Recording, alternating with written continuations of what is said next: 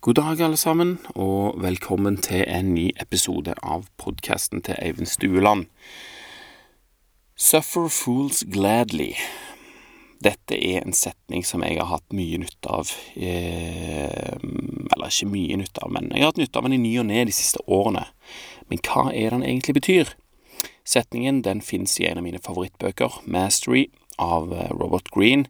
Om du ikke har hørt om den eh, boka før, så har jeg lagd en episode om den som du kan høre på. Og med det samme så vil jeg da si at den episoden det er bare et, et vagt omriss av innholdet. Altså det er gull overalt i den boka der, om du bare er villig til å lese og tenke over det som står der. Blant annet så står det et par sider som handler om hvordan vi kan holde, forholde oss til folk som rett og slett ikke tåler, eller har mulighet for å unngå. I siste episode så snakka jeg jo om hvordan tåle å forstå andre personer og, og hva de gjør. Og Denne gangen handler det òg om å forstå og tåle andre personer, men på en litt annen måte. Dette er mer som en sånn nødløsning om du treffer tullinger så du ikke kan gjøre så mye mer, rett og slett. Og i boka så er det Goethe som får æren av å innlede forståelsen for dette her.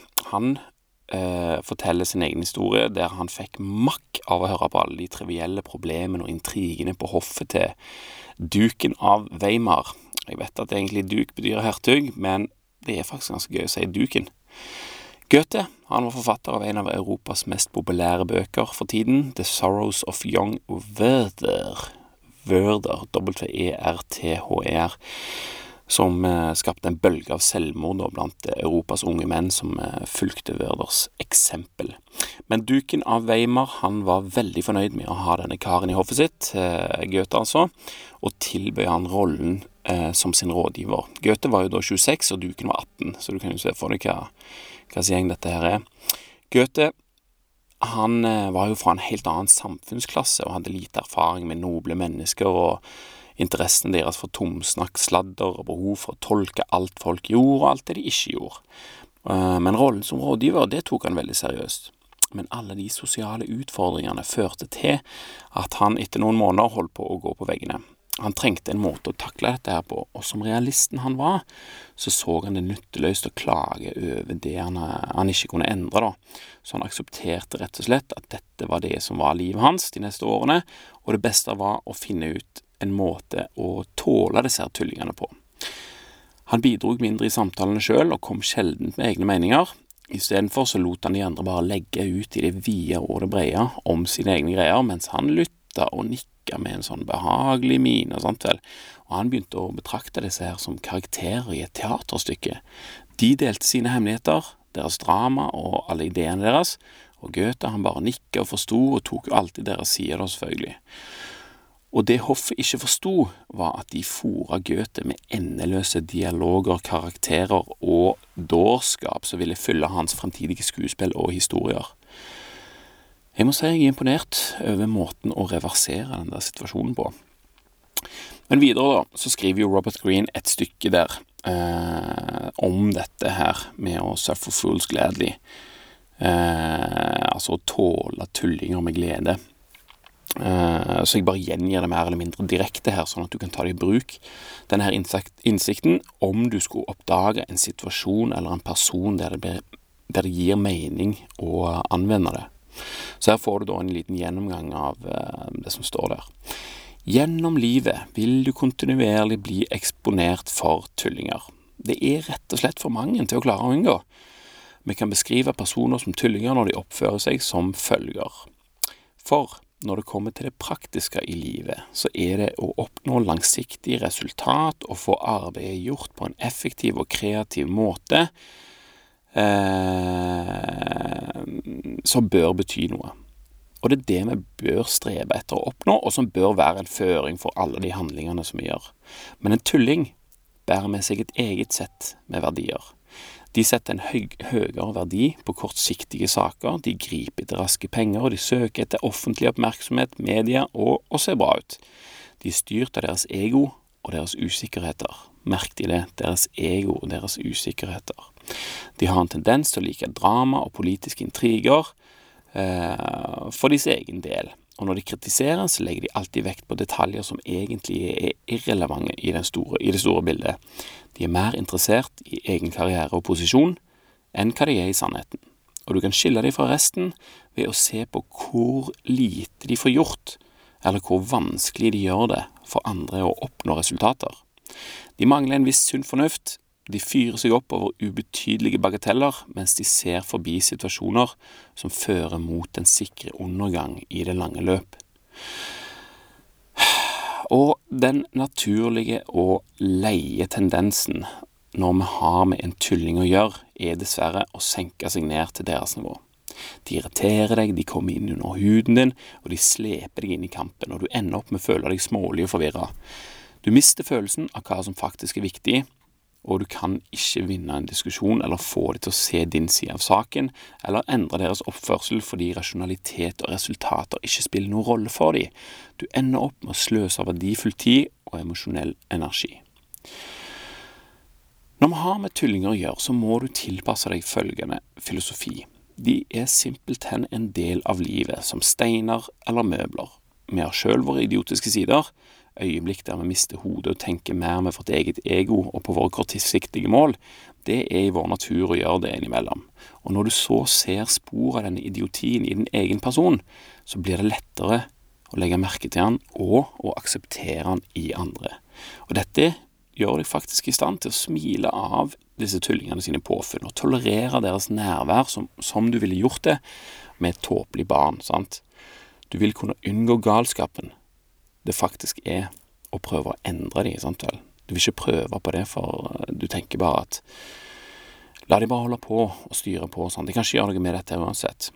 Og det hele er en del av den menneskelige komedie, og det er ikke noe å bry seg om eller miste nattesøvnen over.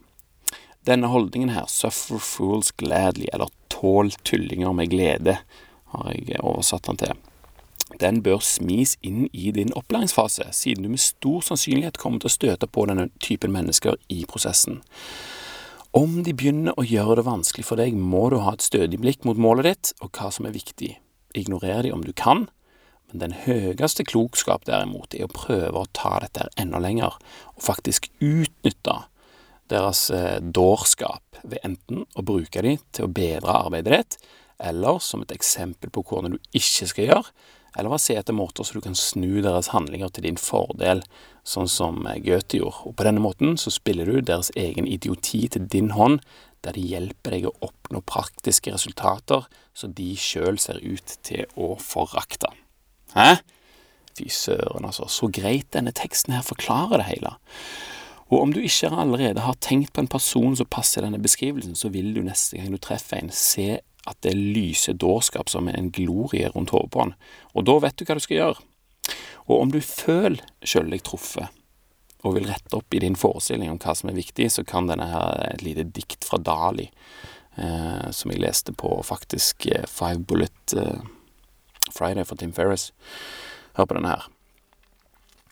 Vrangforestilling er en guddommelig forbannelse som gjør noen misunnelige, innbilske og ondsinna, sånn at han ikke vet at det onde han gjør, vil slå han tilbake.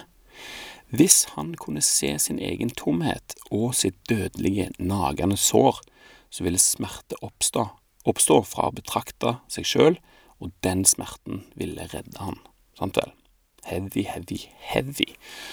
Dette diktet har jeg lest mange ganger, og jeg forstår det bedre og bedre for hver gang, så hvis du ikke fikk det helt med deg, så ta det gjerne en gang til, altså, og tenk litt over det.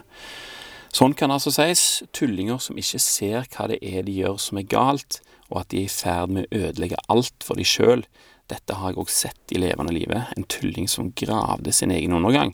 Han så det ikke, til tross for at det kom mot han som en trailer med fullt fjernlys på en mørk fjellovergang. Han ødela for alle og tenkte bare på seg sjøl. Hadde han sett sitt eget sår, så ville han kanskje ha prøvd å ta seg av det og overlevd, sant, endra seg og, og fått gjort noe med det. Men vrangforestillingen hans blokkerte det, og det endte som det gjorde. Ingen ble overraska utenom han sjøl, og det er ikke alt eh, det er ikke alt som kan ordnes og fikses her i verden. Noen er og blir tullinger, og det er ikke alltid din oppgave å reparere de. Noen ganger må en bare godta det og se på det sånn som det er. Men vi kan ty til andre midler og tåle det. Og jeg avslutter med Goethes egne ord om hvordan han ser på det hele, hvordan han sjøl beskriver hvordan han har oppført seg, da. Det er dårskap å håpe på at andre menn vil harmonisere med oss sjøl. Jeg har aldri håpet på dette her. Jeg har alltid betrakta hver mann som et uavhengig individ som jeg bestreber etter å forstå med alle deres særegenheter, men som jeg sjøl ikke krever videre sympati fra. På denne måten har jeg vært i stand til å samtale med hver mann, og dette alene har produsert nok visdom og kunnskap om livets karakterer og om kunsten nødvendig for livets sømmeligheter. Som jeg sa i forrige episode, desto mer vi forstår, og desto flere situasjoner vi havner oppi, jo flere situasjoner, personligheter og hendelser er vi i stand til å takle. Og som Goethe sier, så er det ikke nødvendig, om mulig i det hele tatt, forvente at denne typen oppførsel tilbake. Sant vel? Det er for mye å håpe på. Ha lave forventninger, gjør din ting, hold kursen, og vær fornøyd med det. Og det var det for i dag. Anbefaler boka Mastery som vanlig av Robert Green. Les gjerne diktet av Dali flere ganger, og se hva du får ut av det. Takk for meg, takk for nå, og tusen takk til deg som hørte på. Vi snakkes neste gang.